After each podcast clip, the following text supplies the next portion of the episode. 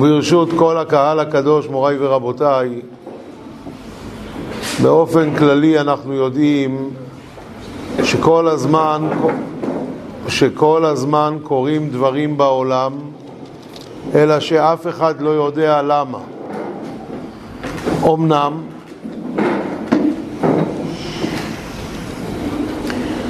אמנם יש אנשים שחושבים שהם יודעים, אבל אבל זה לא נכון, כי שלמה המלך אומר מקרה אחד לצדיק ולרשע, לטוב ולטהור ולטמא, לזובח ולאשר איננו זובח. זאת אומרת, אתה רואה שבעולם קורים אותם מקרים לצדיקים ולרשעים. והדוגמה שרש"י מביא היה הכיסא של שלמה המלך, בטח הילדים כולם מכירים את הכיסא של שלמה המלך, נכון? היה כיסא כולו מזהב עם מנגנון כזה שכששלמה המלך שם את הרגל שלו על המדרגה הראשונה של הכיסא היה שבע מדרגות כשהיה שם את הרגל על המדרגה הראשונה אז האריה שעמד שם, האריה מזהב, היה שואג לקראתו. וככה כל השבע מדרגות. בסוף כשהיה מתיישב, בא נשר, שם לו את הכתר על הראש. ושישק מלך מצרים גם רצה כזה, אבל הוא לא ידע לעשות את זה. אז הוא שדד את הכיסא מירושלים והביא אותו לאלכסנדריה של מצרים, ובטקס רב רושם עלה על הכיסא, וכשהוא שם את הרגל על המדרגה הראשונה, בא האריה, נתן לו בעיטה ועשה אותו נכה. ומאז קראו לו פרעה נכו. עכשיו כל אחד שומע את זה, מה אומר? מגיע לו, דווקא לו ואונה לו. אבל לכולנו צרוב בזיכרון מישהו אחר שגם היה נכה בגלל בעיטה מאריה. מי? נוח. ונוח איש צדיק. יוצא שמקרה אחד לצדיק ולרשע. אז מי יכול להגיד שהוא יודע למה קורים דברים בעולם? אחד לא עלינו נהרג בתאונת דרכים, אומרים מגיע לו, זה בגלל שהוא עשה ככה וככה. נו, וצדיקים לא מתים בתאונות דרכים? אז אף אחד לא יודע למה. רק השם יתברך יודע מה כל החשבונות. מי היחידים שיכולים להגיד לנו למה קורים דברים בעולם? התשובה היא חז"ל הקדושים. כי חז"ל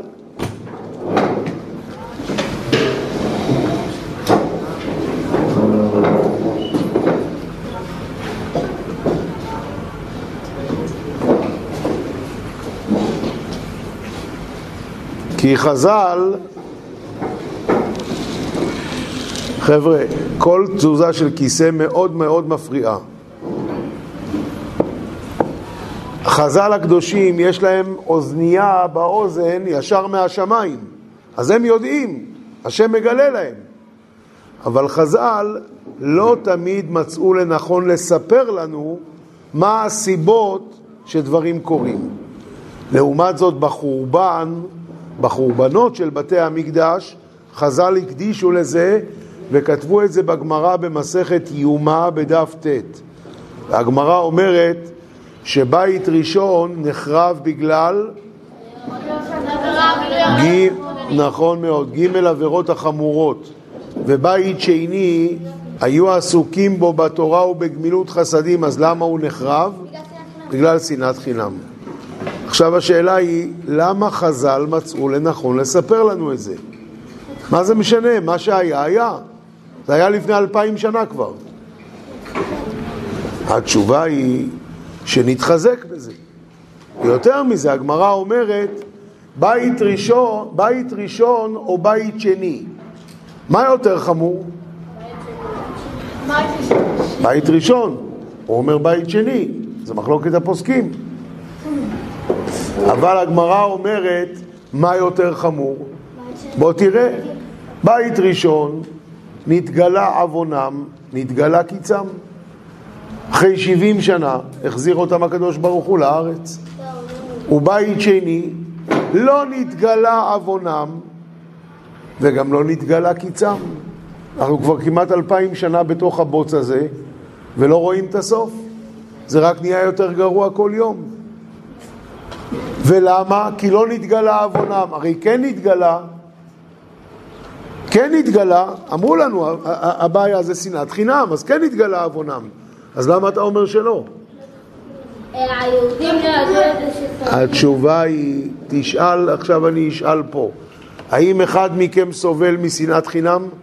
כלומר ששונא מישהו בחינם? אף אחד לא, נכון? הנה, זה הבעיה, לא נתגלה עוונם. אה, אז מי כן סובל משנאת? אה, זה ההם, זה לא אנחנו, אנחנו בסדר. הנה, אתה רואה? לא נתגלה עוונם. תשאל כל יהודי, אתה שונא מישהו בחינם? מה פתאום? מה פתאום? אז למה לא נבנה בית המקדש? בגללו. זה הכוונה לא נתגלה עוונם. הרי כשבן אדם עושה עבירות חמורות, אז הוא יודע שהוא חוטא. אבל כשבן אדם עושה שנאת חינם, מה פתאום? זה לא בחינם, ואת הזה מצווה לשנוא אותו, ומצווה לעשות לו, ומצווה לדבר עליו לשון הרע. למה הוא פושע ישראל והשטחים? זה, זה נקרא לא נתגלה עוונם. בן אדם, מה פתאום? אני לא, מה, ההפך, חס וחלילה. אבל באמת, באמת, לכל אחד מאיתנו יש כל מיני אה, פצעים בלב שמלאים מוגלה ומלאים שנאה ומלאים טרוניות וכל מיני דברים לא טובים ויש לנו תירוצים לכל דבר. אבל זה נקרא שנאת חינם. רק שאנחנו לא קוראים לזה בשם של זה כל זמן שזה נוגע לנו. אנחנו מוכנים לקרוא לזה שנאת חינם כי זה נוגע להוא. הבנתם? ואת זה באו חז"ל ואמרו, אדוני, תפסיק לתלות את כל הבעיות בשני. תסע, תבדוק את הבעיות אצלך ותראה למה אתה ככה. עכשיו שימו לב, אתם יודעים, לשון הרע זה עבירה מאוד מאוד חמורה. עבירה מאוד מאוד חמורה. כולם יודעים, נכון? כמה עבירות יש בלשון הרע? 39. 30 ו... חפץ חיים עושה חשבון אחר. כמה הרב? 17 לאווים, 14 לסן. אז זה 31. לארבע ארורים. לארבע ארורים, כן. אז עבירות, יש כאן 31, אפשר להגיע ל-31 עבירות דאורייתא. חוץ מזה, יש עניינים של דרבנן, חמור מאוד מאוד, וזה מאוד מאוד חמור, כולנו יודעים. כולנו יודעים שזה מאוד מאוד חמור. יש אדם אחד בעולם שמותר לדבר עליו לשון הרע? לא, לא. אפיקוירס. אני מדבר עכשיו כמוני כמוך מהבית כנסת. מותר? לא. יש. על מתים מותר לדבר. מה? כן. על מתים מותר לדבר. זה סתם מימרה כזאת. מה בכל זאת? על מתים יש חרם הקדמונים לא לדבר. חרם הקדמונים. זאת אומרת, אין דאורייתא, אין דרבנן, יש חרם הקדמונים לא לדבר על מתים. אבל יש יוצא מן הכלל אחד, ששם זה חמור אבי אבות החמורים. מתי? אם הנפטר הזה היה תלמיד חכם, הגמרא אומרת שכשמדברים על מת, הוא לא מרגיש את זה בכלל. אין לו שום עניין. שואלת הגמרא, איך אתה אומר דבר כזה? גמרא מסכת תענית. איך אתה אומר שלא אכפת לו? הנה, היה אחד, אתם זוכרים את האמורה שמואל? בגמרא יש אמורה שקוראים לו שמואל, נכון? היה אחד שדיבר על שמואל אחרי ששמואל מת, ונפלה קורה מהתקרה וריצצה את מוחו של זה שדיבר. הנה אתה רואה? עונה הגמרא, שאני תלמיד חכם, דרחמנה, שונה תלמיד חכם, כי הקדוש ברוך הוא תובע את עלבונו. הוא באמת לא אכפת לו, כי הוא מת. אבל הקדוש ברוך הוא תובע את עלבונו. וזה כולם יודעים. לדבר לשון הרע חמור מאוד, אבל לדבר לשון הרע על תלמיד חכם, אפילו אחרי מותו אסור. כל שכן בחייו. כל שכן בחייו. נו, וכמה פעמים קורה? הרב הזה, כלום. הרב הזה, סתם עם הארץ. הזה, מושחת. איך אתה מדבר? כי הוא, כי הוא לא רב. כי הוא לא רב. זה אותו התירוץ כמו עם השנאת חינם. מה הבעיה? הוא לא רב, מה אתה רוצה ממני? באים שניים לבית דין, רבים על כסף, אז הם באו לבית דין שהרב יפסוק, נכון? ואז מה קורה? בדרך כלל הרב פוסק לאחד, לטובת אחד מהצדדים. והצד השני מה אומר? הרב הזה לא רב, הרב הזה מושחת, הרב הזה קיבל שוחד, הרב הזה ככה. איך אתה מדבר? מה זאת אומרת? ככה זה.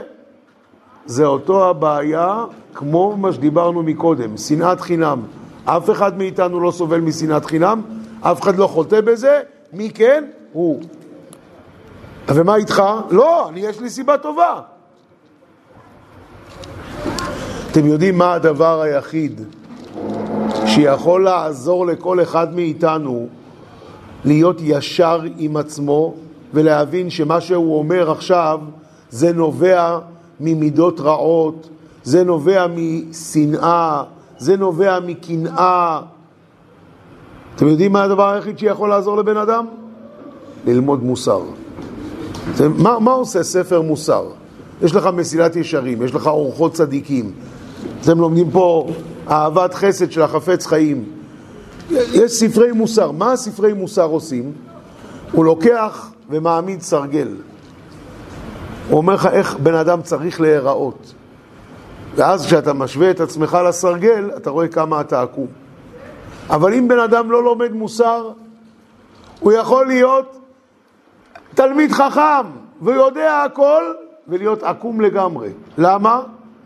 כי יש לו נגיעות. אני בסדר. שנאת חינם יש, אבל שמה, לא אצלי. איך אתה מדבר על הרב הזה? לא, הוא לא רב. אם אתה שם ספר מוסר, הוא שם לך פלס, הוא שם לך סרגל, ואתה משווה את עצמך אליו, ואז אתה יכול להיות נורמלי. אם לא, אין שום סיכוי בעולם. כי כל הזמן, יש לנו כל הזמן נגיעות. יש לנו כל הזמן אינטרסים. יש לנו כל הזמן כבוד שנפגע או לא נפגע, ואנחנו עובדים לפי זה ומשכנעים את עצמנו שזה דעת התורה. רק עם מוסר אפשר. ועם מוסר, אדם יכול להגיע לדרגות גבוהות מאוד מאוד. למשל, עכשיו לאחרונה אתם שמעתם נפטר הרב גרשון אדלשטיין? הוא כל החיים צעק, חייבים ללמוד מוסר, חייבים ללמוד מוסר. אפילו מי שהיה בא אליו הביתה, היה בא אליו הביתה מישהו בשביל להתברך, היה נותן פתק. חמישה דברים שכל אחד חייב לעשות. היה כותב, היה אומר, אתה רוצה שיהיה לך ברכה? תתפלל אתה על היהודי האחר שיש לו את אותה צרה. דבר שני, תלמד מוסר כל יום. דבר שלישי, אל תדבר לשון הרע. דבר רביעי, אל תחשוב רע על השני. לימוד זכות. זה דברים שבן אדם יכול לעשות אותם, אבל רק בתנאי שהוא לומד מוסר. אחרת, לא יצא מזה כלום. עכשיו, הוא בעצמו נפטר, ושמענו עליו סיפורים שמסמרי שיער. מסמרי שיער, איך הוא התחשב בשני, איך הוא הרגיש לתת הרגשה טובה לשני. הוא קיבל התקפת לב לפני לא יודע כמה שנים, הוא היה בלוויה ברחוב, הוא הרגיש שיש לו בעיה, חזר הביתה בעצמו, צלצל למגן דוד אדום בעצמו, ואז כבר באו אנשים וזה וזה, פתאום דופקים בדלת. אז פתחו, עמד שם יהודי, הרב נמצא, אפשר לדבר איתו? אמרו לו, תשמע, זה לא הזמן עכשיו. אמבולנס למטה. אמר הרב אדלשטיין, רק שנייה, תשאלו אותו מה הוא צריך. התברר שהיהודי הזה, הוא צריך כסף, ויש לו המלצה כבר מכמה רבנים שממליצים לתת לו כסף כי הוא באמת צריך. הוא בא להחתים גם את הרב אדלשטיין, שיחתום לו על זה. אמר להם הרב אדלשטיין, תכניסו אותו, אני אחתום לו, האמבולנס יחכה, לא קרה כלום. אתה מבין, בן אדם זקוק לעזרה, אז אתה יכול להגיד לו, שמע, אין לי עכשיו ראש בשבילך, עזוב אותי, ואתה יכול להתחשב בו, ולדעת שזה מה שהשם רוצה, שתעשה עכשיו חסד עם יהודי. וכאלה סיפורים, זה, זה, זה סיפורים מסמרי שיער על בן אדם שבאמת הרגיש כמה צריך לדאוג לשני, גם כשהשני פגע בו. היה פעם בחור שממש, בישיבה, ממש פגע בו. והבחור הזה אחרי זה הבין שהוא עשה טעות, אבל הוא לא ידע מה לעשות. אז הוא הלך לרב חיים קנייבסקי, רב חיים אמר לו, אתה חייב לבקש סליחה מהרב. איך הוא יבקש ממנו סליחה? הוא עשה דבר נורא. אבל לא, אין לו ברירה. מצא איזה זמן שאף אחד לא נמצא בבית, דפק בדלת, נכנס, אומר לרב, הרב, זה וזה עשו לך, זה אני. ובאתי לבקש סליחה. אמר לו הרב, אני כבר מזמן סלחתי לך, אבל אתה, כמה קשה היה לך לבוא הנה, נכון? היה לך מאוד קשה לבוא לבקש סליחה, זה להוריד את האף, זה, זה, זה ממש להיות מושפל, ואף על פי כן עשית את זה? אז אתה ממש, כל הכבוד לך, אז תברך אותי. אז תברך אותי. שמעת דיבורים כאלה? זה בן אדם או מלאך? בן אדם פגע בו, בא לבקש סליחה, הוא אומר, אז תברך אותי. למה? לתת לו הרגשה טובה. יש לי חבר שבזמנו היה לו בעיות, הוא הלך להת... להתייעץ איתו, וזה בעיות לא נעימות. הוא התייעץ איתו, ואחרי חצי שנה עוד פעם ראה אותו. אז הוא אמר לו, הרב זוכר שאני הייתי אצלו? אמר לו, אני זוכר, אבל לא זוכר בקשר למה. למה? כדי שהוא לא ירגיש לא נוח שאני זוכר את כל הבעיות שלך, שאתה ככה וככה. אני זוכר שהיית, אני לא זוכר בשביל מה. נכנס, עכשיו בקיץ האחרון, הרב אדלשטיין מתי נפטר? בי' סיוון, נכון? ממש אחרי שבועות. בקיץ תשפ"ג, זאת אומרת, חודש לפני שהוא נפטר, היה בחור בישיבה שהיה במשבר. אז אמרו לבחור הזה, תשמע, תכין טוב את הסוגיה, ואז ניתן לך לדבר עם הרב אדלשטיין, ויהיה לך מזה שמחה. והוא באמת הכין את עצמו. כשהיה קבלת קהל בצהריים, אז הוא נכנס, ואמרו לרב אדלשטיין, יבוא בחור שצריך קצת צומי, אם הרב יכול קצת... אה, ואז כשהגיע תורו, עצרו את התור, אמרו לו, שב, שב, דבר. מרוב שהוא התרגש, הוא שכח. עכשיו תאר לך מה יקרה. הוא כבר במשבר, הוא בא כדי לצאת מהמשבר, והוא יצא מפה עם משבר עוד יותר גדול, נכון? כי הוא שכח. והרב אדלשטיין תפס מיד שהוא שכח, אז מה הוא עשה? הוא אמר לנכד שלו שאחראי על התור, אה, תשאל אותו מה הוא רוצה, כי אם הוא רוצה לדבר איתי בלימוד, אני לא מרוכז עכשיו, אז אני לא יכול. שיבוא פעם אחרת. אתה מבין? במקום שיגיד שהוא לא, אני לא. זה הכל בא מלימוד המוסר. שבן אדם מתיישר לפי ספרי המוסר שכתבו גדולי חכמינו, רבינו בחיי כתב את חובות הלבבות, רב מוישה חיים לוצטו כתב את מסילת ישרים. אלה ספרים שיכולים לכוון בן אדם. בלי זה אין אפשרות בכלל שבן אדם יהיה ישר עם עצמו. ושנאת חינם זה הראייה. לא נתגלה עוונם. איך לא נתגלה? כולנו יודעים שעל שנאת חינם. התשובה היא, אף אחד מאיתנו לא מרגיש שהוא חוטא בשנאת חינם. הם חוטאים, לא אני. לא נבנה בית המקדש בגלל שנאת חינם, אבל אתה הרי לא... לא, אני לא, הם, הם. זה הבעיה. אתם ברוך השם לומדים פה, ואני רואה שלומדים גם מוסר, והחפץ חיים, קדושתו עליונה, בוודאי כל מה שלומדים אצל הרב מרדכי זה הכל לתועלת גדולה מאוד, ואין ספק שמי שיתמיד בלימודים פה יצא, יצא תלמיד חכם ובעל מידות טובות. אבל התורה מצווה אותנו להיות אנשים ש... ואהבת לרעך כמוך. מה פירוש ואהבת לרעך כמוך? שאתה צריך לתת לשני את מה שהיית רוצה לעצמך. למשל, אתה רוצה שידברו עליך דברים טובים? אתה אוהב שידברו עליך דברים טובים? בטח. כולנו אוהבים. אז כשמדברים על מישהו אחר דברים טובים, תפרגן לו את זה. אתה אוהב שיהיה לך הצלחה בלימודים, שיהיה לך, לאבא שלך, לאימא שלך, יהיה לכם בבית אה, פרנסה טובה, אתה, כל זה אתה רוצה. אז גם שיש לאחרים, תפרגן להם את זה. זה נקרא ואהבת לרעך כמוך, והדבר וה, הגדול זה שגם כשאתה לא נמצא עכשיו בסיטואציה, ב, ב, במקרה שההוא נמצא, למשל, יש עכשיו אחד שלא עלינו קרה לו איזה אסון. עכשיו, אני לא נמצא באסון, הוא נמצא באסון. איך אני אדע מה אני אתן לו עכשיו שיהיה טוב לו? איך אני אדע? התשובה היא, תנסה לדמיין לעצמך מה אתה היית רוצה במצב הזה, ואת זה תיתן לו. אז למשל, היה בשוויץ, היה אחד מגדולי התורה, קראו לו הרב מוישה סולובייצ'יק. פעם באחד בלילה התקשר מישהו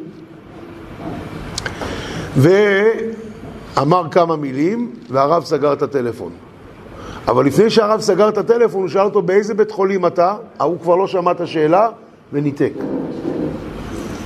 הרב נעמד והתחיל להתקשר לכל הבתי חולים ושאל אותם אם אדם כזה נמצא שם. בסוף הוא מצא, נסע לבית חולים. שואל אותו האדם שהיה איתו, לאן הרב נוסע? מה קרה? אומר, הזוג הזה, הרבה שנים לא היה להם ילדים, ועכשיו היא הייתה צריכה ללדת, והוא צלצל להודיע לי שהתינוק נולד מת. טוב, אז מה אתה יכול לעזור לאדם כזה עכשיו? מה אתה יכול לעשות בשבילו? אתה יכול להוציא את התינוק, להחיות אותו? אתה לא יכול. אבל הוא נסע לבית חולים, והוא בא לשם, והוא ניגש אליו, וההוא שם את הראש שלו על הכתף של הרב, והתחיל לבכות. מה הרב, אני הבנתי שבמצב הזה, מה אני יכול לתת לו? כתף. לשים את הראש לבכות. וגם זה עזרה גדולה. נכון, אני לא יכול להחזיר לו את הילד, אבל הוא רוצה לבכות, צריכים להרגיש, להרגיש שמישהו משתתף איתי, אז את זה נתתי לו. זה החוכמה, לדעת במצב הזה מה אתה היית רוצה. אתם ילדים, יש, אתם הולכים לבית ספר כל יום, נכון?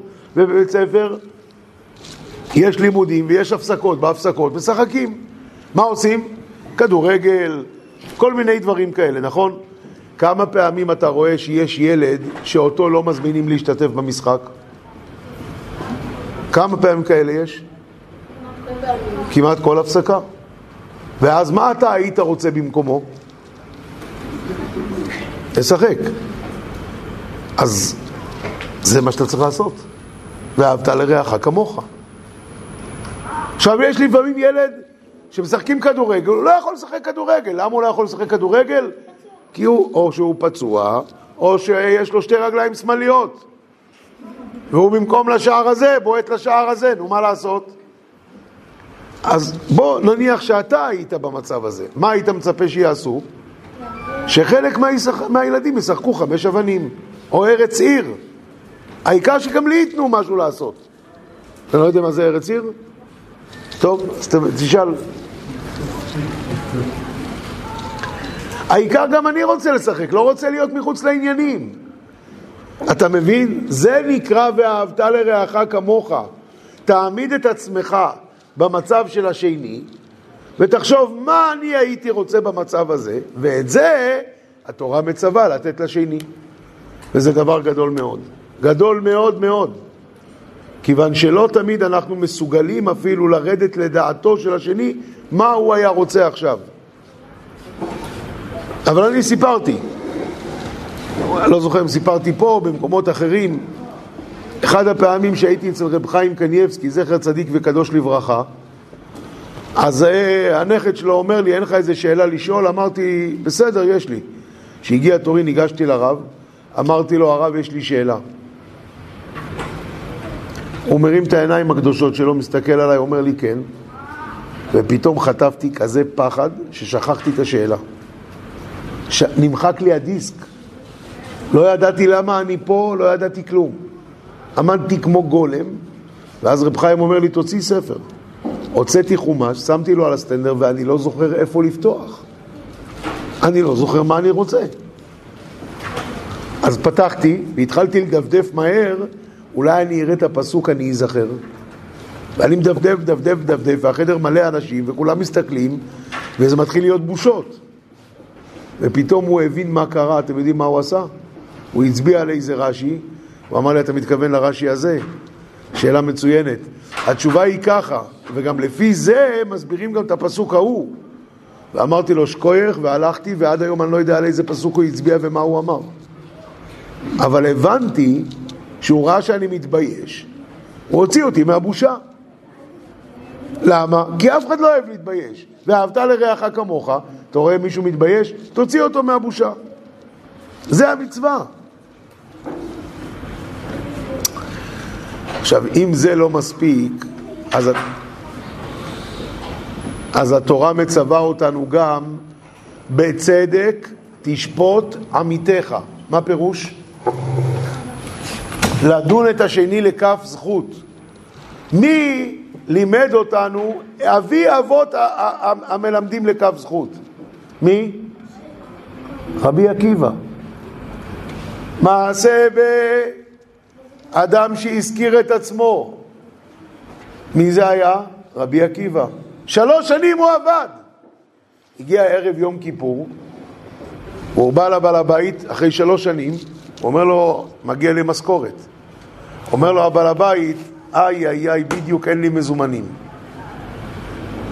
אז אמר לו, אז אולי תיתן לי חיטה. אמר לו, אין לי חיטה. עכשיו הוא מסתכל, רואה, מה זה אין לו חיטה? המחסנים מלאים. אמר לו, אתה יודע מה? אז תן לי בהמות. אמר, אין לי בהמות. והארובות מלאות. אמר לו, אתה יודע מה? אז תן לי קרקעות. אמר, אין לי קרקעות. והוא הלך הביתה בפחי נפש. אחרי החג, כלומר אחרי סוכות, אותו בעל הבית בא אל רבי עקיבא עם עשרה חמורים טעונים כל טוב. דבר ראשון אמר לו, בוא נשב לאכול. אני עוצר פה לשנייה, תחשבו רגע, אם היה לכם קורה כזה מקרה, וזה שלא נתן לכם את הכסף, הוא אומר, בוא נשב לאכול ביחד. מה היית אומר לו? לך תחפש את החברים שלך. אבל רבי עקיבא ישב איתו לאכול. ואחרי שאכלו ושתו, נתן לו את הכסף, מה שמגיע לך, מגיע לך. אמר לו, עכשיו תגיד לי את האמת. כשאמרתי לך שאין לי כסף, מה חשבת? הוא אומר, חשבתי שהזדמנה לך איזו עסקה, ואת כל המזומנים שלך דחפת פנימה. אז לא היה לך מזומן לתת לי. אמר לו, וכשאמרתי לך שאין לי תבואה, אומר, חשבתי שהם לא מאוסרים, ואין לך זמן להיאסר עכשיו. אמר לו, וכשאמרתי לך שאין לי בהמות, הוא אומר, חשבתי שאולי החקרת אותם לאנשים, ואתה לא יכול לתת לי אותם. וכשאמרתי לך שאין לי אדמות, חשבתי שהקדשת את זה לשמיים. אמר לו, אני נשבע שכך זה היה. ואתה, כשם שדנתני לכף זכות, אף הקדוש ברוך הוא ידין אותך לכף זכות. רבי עקיבא, עוד לא היה אז רבי עקיבא, הוא היה עקיבא, הוא עוד היה עם הארץ. וכאלה מידות טובות היו לו, שהיה מסוגל ללמד זכות על בן אדם שלא שילם לו משכורת של שלוש שנים. ומה הוא מברך אותו בעד זה? אתה, כשם שדנתני לכף זכות, אף הקדוש ברוך הוא ידון אותך לכף זכות. מה זה נקרא לדון לכף זכות? הנה, עכשיו למדנו מקרה אחד. בואו אני למד, אספר לכם עוד מקרה. היה יום אחד, היה יום אחד,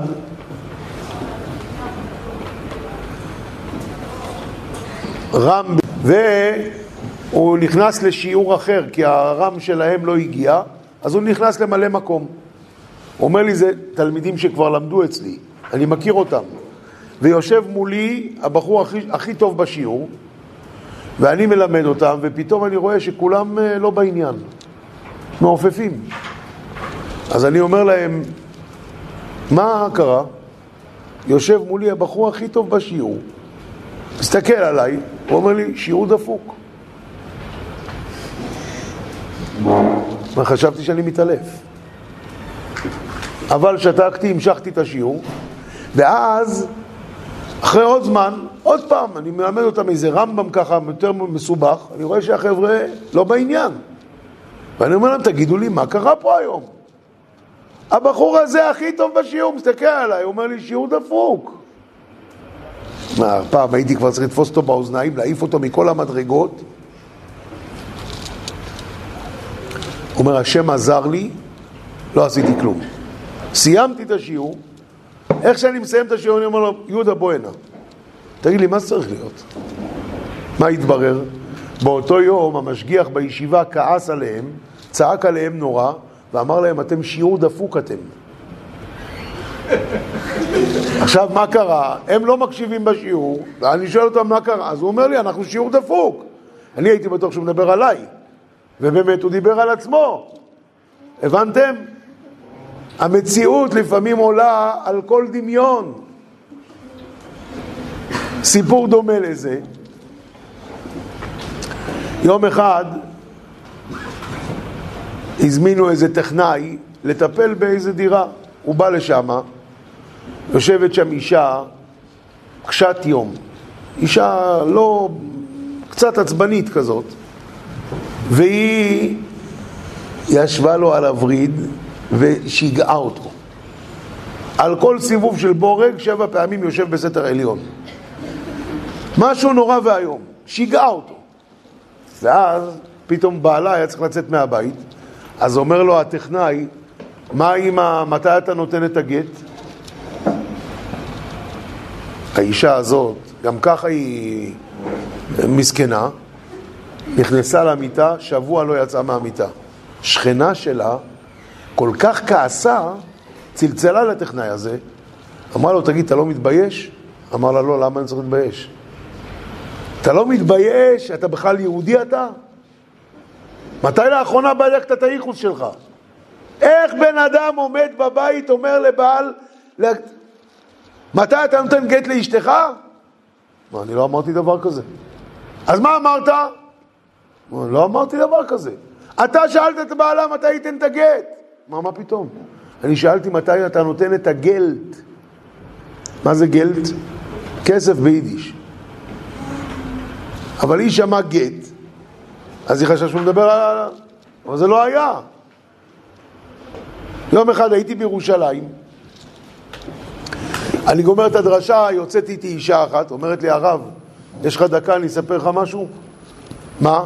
היא אומרת לי, אנחנו פה מתאספות כל שבוע, ופעם מביאים לנו דרשה, ופעם מביאים לנו... אה, זה, לא משנה. יום אחד הביאו לנו זמרת, והיא בעלת תשובה, אז היא סיפרה לנו איך היא חזרה בתשובה, זה היה מאוד מעניין. ואחרי זה היא שרה. כבוד הרב, נהנינו עד קצות האצבעות. היה משהו. ואז היא שרה איזה שיר מאוד מרגש, ואחת מהבנות, מה, מהנשים שלנו, הסתובבה אחורה והתחילה לדבר עם חברה שלה. וזה הפריע, אז מה כולם עשו? וכשכולם עושים ששש, זה מפריע יותר מאשר היא דיברה, נכון? טוב, אז היא הפסיקה לדבר, היא הסתובבה חזרה, וכולם המשיכו להקשיב, ואז היא הסתובבה עוד פעם ודיברה איתה. וכולם עוד פעם עשו ששש. בקיצור, הרסה את השיר הזה. ואני מאוד כעסתי עליה, והיא חברה טובה שלי. אנחנו כל פעם שבאות הנה, הולכות ביחד הביתה. גם באותו יום הלכנו ביחד הביתה, ואני מאוד כעסתי עליה, לא אמרתי לה כלום, אבל בלב ממש כעסתי. ואז היא אומרת לי, איך היא שרה? ואני רציתי להגיד לה, היא שרה נהדר כשאת לא מפריעה. אבל לא אמרתי, רק חשבתי ככה. אז חברה שלי הזאת אומרת לי, והשיר המרגש הזה שהיא שרה, עכשיו זה היה השיר שהיא הפריעה. מה זה היה השיר הזה? זה היה השיר, וזכנו לגדל. מכירים את השיר? אז תשירו. בונים ובני בונים, חכמים ונבואינים. אוי אבי השם יראי אלוהיקים אנשי אמס זרע קוידש בהשם דבקים.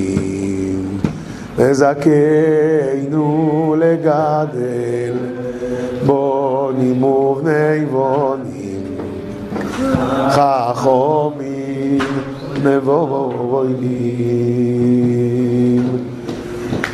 אוי אבי השם יראי אלוהיקים אנשי אמס זרע קוידש בהשם דבקים. ומאירים אסוי לו. ובכל מלאכת עבודת הבוירה. ומאירים אזוי לו בתוירו ומעשים ובכל מלאכת עבודת סבו היא אומרת לי ופתאום נזכרתי שזאת שיושבת מאחוריי אין לה ילדים אז הסתובבתי לדבר איתה כדי להסיח את דעתה מהשיר הזה. פתאום כל הסיפור השתנה, נכון? עד לפני רגע כולם כעסו עליה, פתאום התברר שהיא גיבורה, שהיא חשבה על השנייה. זה נקרא ללמד זכות. מה פירוש ללמד זכות? כנראה לא שמעתי טוב, הוא אמר גלט, אני שמעתי גט. כנראה לא הבנתי טוב, היא ידעה שאין לה ילדים, היא רצתה להסיח את דעתה. כנראה, כל מיני כנראה. ואני שואל, מה הוא אמר לו? כמו שאתה לימדת עליי זכות, ככה השם ילמד עליך זכות. רגע, בן אדם מלמד זכות על השני, מה הכוונה? לא שמעתי טוב, לא הבנתי טוב. נו, השם ילמד עליי זכות, הוא יראה שעשיתי עבירה, והשם יגיד לעצמו, לא ראיתי טוב? לא שמעתי טוב? מה שייך ללמד זכות אצל הקדוש ברוך הוא? מה שייך? אדם מלמד זכות, אומר לא ראיתי טוב, כנראה לא הבנתי טוב, לא, יש לו איזו סיבה שהוא עשה את זה. מה שייך אצל הקדוש ברוך הוא? הוא יודע הכל, הוא יודע גם את המחשבות. מה שייך להגיד שהשם ילמד זכות? אז אני אספר לכם סיפור עצוב. סיפור עצוב מאוד. בזמן שלמד רב שולם שבדרון בחברון, אתם יודעים מתי זה היה? בערך לפני מאה שנה. בערך לפני... בערך לפני מאה, אולי תשעים שנה. אז חברון, ישיבת חברון הייתה בגאולה בירושלים, וממש קרוב למאה שערים. בכניסה למאה שערים היה רחוב הספרים. היו שם מלא מלא ספרים. עכשיו בשבת, יום שישי אחרי צהריים, היו כאלה שסחבו ממש עד הדלקת נרות, ואפילו אחרי זה. אז uh, הבחורים מחברון היו הולכים בערב שבת, לא צועקים, רק אומרים שבת שלום, שבת שלום, הדלקת נרות בשעה, ככה. היו כאלה שהבינו את הרמז וסגרו את החנות, היו כאלה שלא התייחסו, והיו כאלה שצעקו עליהם, לכו מפה וזה. טוב. אחד מאלה שהיה הכי הכי ארסי, יום אחד הם באים שישי, אין, הוא סגור החנות. שואלים את זה שחנות לידו, מה קרה לו? התברר שהוא קיבל התקפת לב והוא בבית חולים. אז הלכו לבקר אותו. כי הוכיח תוכיח את עמיתך זה מצווה, וגם ביקור חולים זה מצווה, נכון? הלכו לבקר אותו. והם באים, מה שלומך, נו, מה הרופאים אומרים, וזה וזה, ואז אמרו לו, תשמע, אתה יודע, שבת היא מקור הברכה. תקבל על עצמך לסגור, והשבת תהיה המליצת יושר שלך. אמר, לה, אמר להם, אתם יודעים מה? לקחתי. יפה מאוד. מאז הוא היה הראשון ביום שישי שסוגר. כאילו בשתיים אחרי צהריים כבר סוגר, הולך הביתה. אחרי תקופה, מגיעים לשם יום שישי, החנות שלו פתוחה. אמרו לו, משה, מה קרה? אמר, עשה להם ככה. אמרו לו, משה, מה קרה? אמרו לו, משה, דבר. אמר, אין לי זמן עכשיו, תבואו ביום ראשון. באו ביום ראשון, משה, מה קרה? אומר, אני הלכתי להתפלל מנחה ערבית באיזה מקום, היה שם אחד נראה כמוכם, עם זקן וחליפה, וראיתי אותו מדבר בחזרת השץ. אמרתי לו, אה, יש פה פתק, אסור לדבר בשעת חזרת השץ. עשה לי, אמרתי לו, מה אתה עושה ככה? תסתכל את הפתק. עשה לי, אז אני הבנתי. אם זה אסור ואתה עושה ככה, זה נהיה מותר. זה הכל. אמר רב שולם משבדרון, יבוא היהודי הזה לשמיים אחרי 120, יגידו לו, אתה רואה שם את הפתח איפה שיוצא עדים של האש, של הגיהנום? כנס שם בפנים, עמוק עמוק. לא, בפנים בפנים יש שם את האזור של המחללי שבת. אני? בחיים לא חיללתי שבת. יגידו לו, כן, אבל אתה זוכר שדיברת פעם בחזרת השץ? הוא יגיד, מה זה קשור? קודם כל זה חזרת השץ, חוץ מזה כבר חזרתי על זה בתשובה. יגידו לו, כן, כן, אבל ההוא עד היום מחלל שבת בגללך. מה יענה? עכשיו סיפור שני, שאני לא יודע אם היה או לא היה, אבל ככה סיפור, תשמעו. איש אחד נסע במטוס מארצות הברית לארץ. עכשיו אתם יודעים איך שזה הולך, אם יש טיסה שיוצאת בלילה, אז ממריאים, ואז מחלקים את האוכל, ואז כולם הולכים לישון. החבר'ה הדתיים התארגנו לתפילת ערבית. אותו יהודי רואה שם איזה ראש, אחד נראה ממש ככה, ראש ישיבה כזה, לפי הבגדים. הוא אומר לו, שמע, מתארגנים לתפילת ערבית. אז ההוא לא בא. מתפלא מאוד, כאילו כולם מתפעלים. טוב. אחרי זה כולם נרדמו, ואז קמים לפנות בוקר והולכים להתפלל שחרית, ואחרי זה מחלקים ארוחת בוקר. אז הוא אומר לו, מתארגנים עכשיו לשחרית. ההוא עושה לו כן עם הראש ולא בא. השתגע, מה זה פה? ואז הוא הסתכל עליו, הוא רואה שכשמחלקים את האוכל, ההוא אוכל בלי ברכה. אמר, איזה עולם זה? זה דתי ככה חזק, ראש ישיבה, ולא מתפלל ואוכל בלי ברכה. איך זה יכול להיות?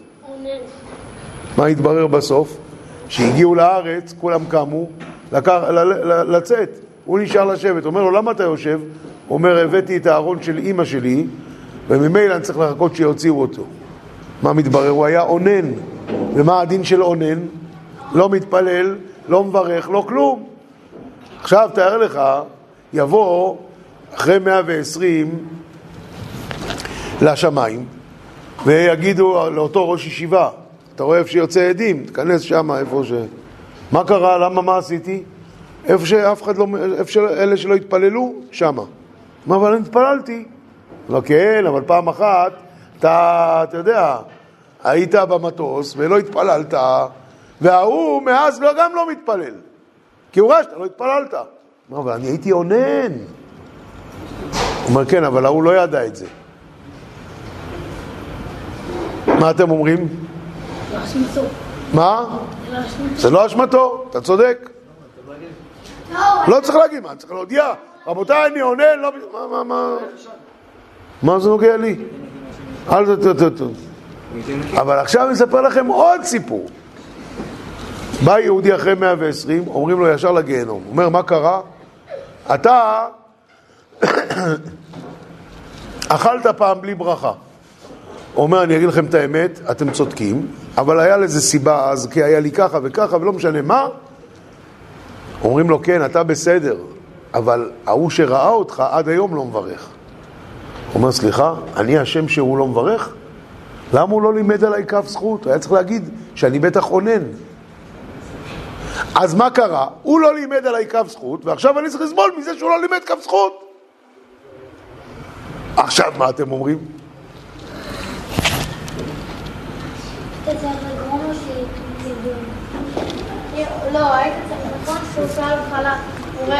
לא, במקרה הזה עברנו כבר למקרה שלישי.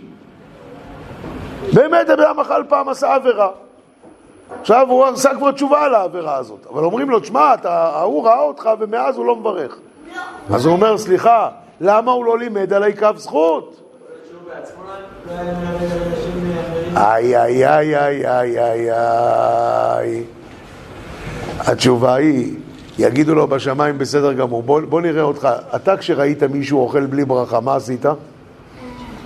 חשבת שהוא אונן? או שאמרת הוא פושע? אה, אז למה אתה מצפה שהוא ילמד עליך? אם אתה כן לימדת זכות, זה מה שאמר לו. כשם שאתה לימדת עליי זכות, ככה הקדוש ברוך הוא ידון אותך לכף זכות. גם כשמישהו ראה שעשית דבר לא טוב ולמד מזה, אבל הקדוש ברוך הוא ידון אותך לכף זכות, כי אתה היית מלמד על אחרים. הבנו? זה, רבותיי, הקדוש ברוך הוא מצווה אותנו, מה שאתה מפרגן לעצמך תפרגן לשני. עכשיו יש לי שאלה. קורה לך שאתה לא במיטבך, נכון? לא תמיד אנחנו הכי טובים, אה, במצב הכי טוב שלנו. למשל, אני משתדל לבוא כל יום לתפילה בזמן, בבוקר. אבל נניח שקרה פעם שאיחרתי. מה הדבר שאני הכי רוצה עכשיו? שכולם, כשאני נכנס, כולם יגידו שמע ישראל. שיכסו את העיניים, לא יראו שאני נכנס. ואם הם כן ראו, מה אני הייתי רוצה עכשיו? שיחשבו שבטח אשתי ילדה לילה תאומים ובאתי במסירות נפש מהחדר לידה.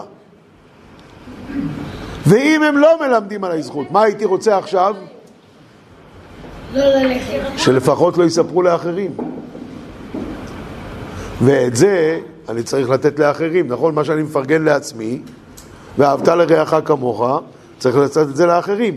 נו, אז כשאני רואה מישהו מאחר לתפילה, מה הדבר הראשון שאני צריך לעשות? לא לראות. אה? לא, אבל לא להראות מה שאני מסתכל עליו. לא לראות, לשכוח מזה. ראיתי, לפחות בואי ננסה ללמד עליו קו זכות. מה? בטח אשתה ילדה תאומים. ואז בא יצר הרע, אומר לי, איזה תאומים בראשך? הוא בן 70 הבן אדם. איזה, איזה תה, מה קרה לך? ואז, לכל הפחות, מה אני צריך? לפחות עכשיו מה? לפחות אל תספר לאחרים. אל תדבר. אל תדבר. הבנו? זה... בשביל זה סיפרו לנו על מה נחרב בית המקדש, על שנאת חינם. אל תחשוב שההוא שונא. אני לא, אני בסדר גמור. תלמד מוסר, תדע שגם לך יש מה לתקן. לא תלמד מוסר, תמשיך עם הטעויות שלך כל הזמן.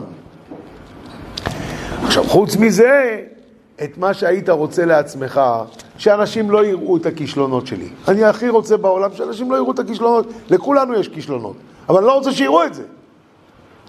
ואם ראו, שילמדו עליי זכות. ואפילו אם לא, לכל הפחות שלא יספרו לאחרים. את זה כל אחד חייב לתת גם לשני. זה התיקון של חורבן בית המקדש. על זה נחרב ואת זה צריכים לתקן. מה? מה השעה עכשיו? בסדר, אז אנחנו נסתפק בדברים האלה.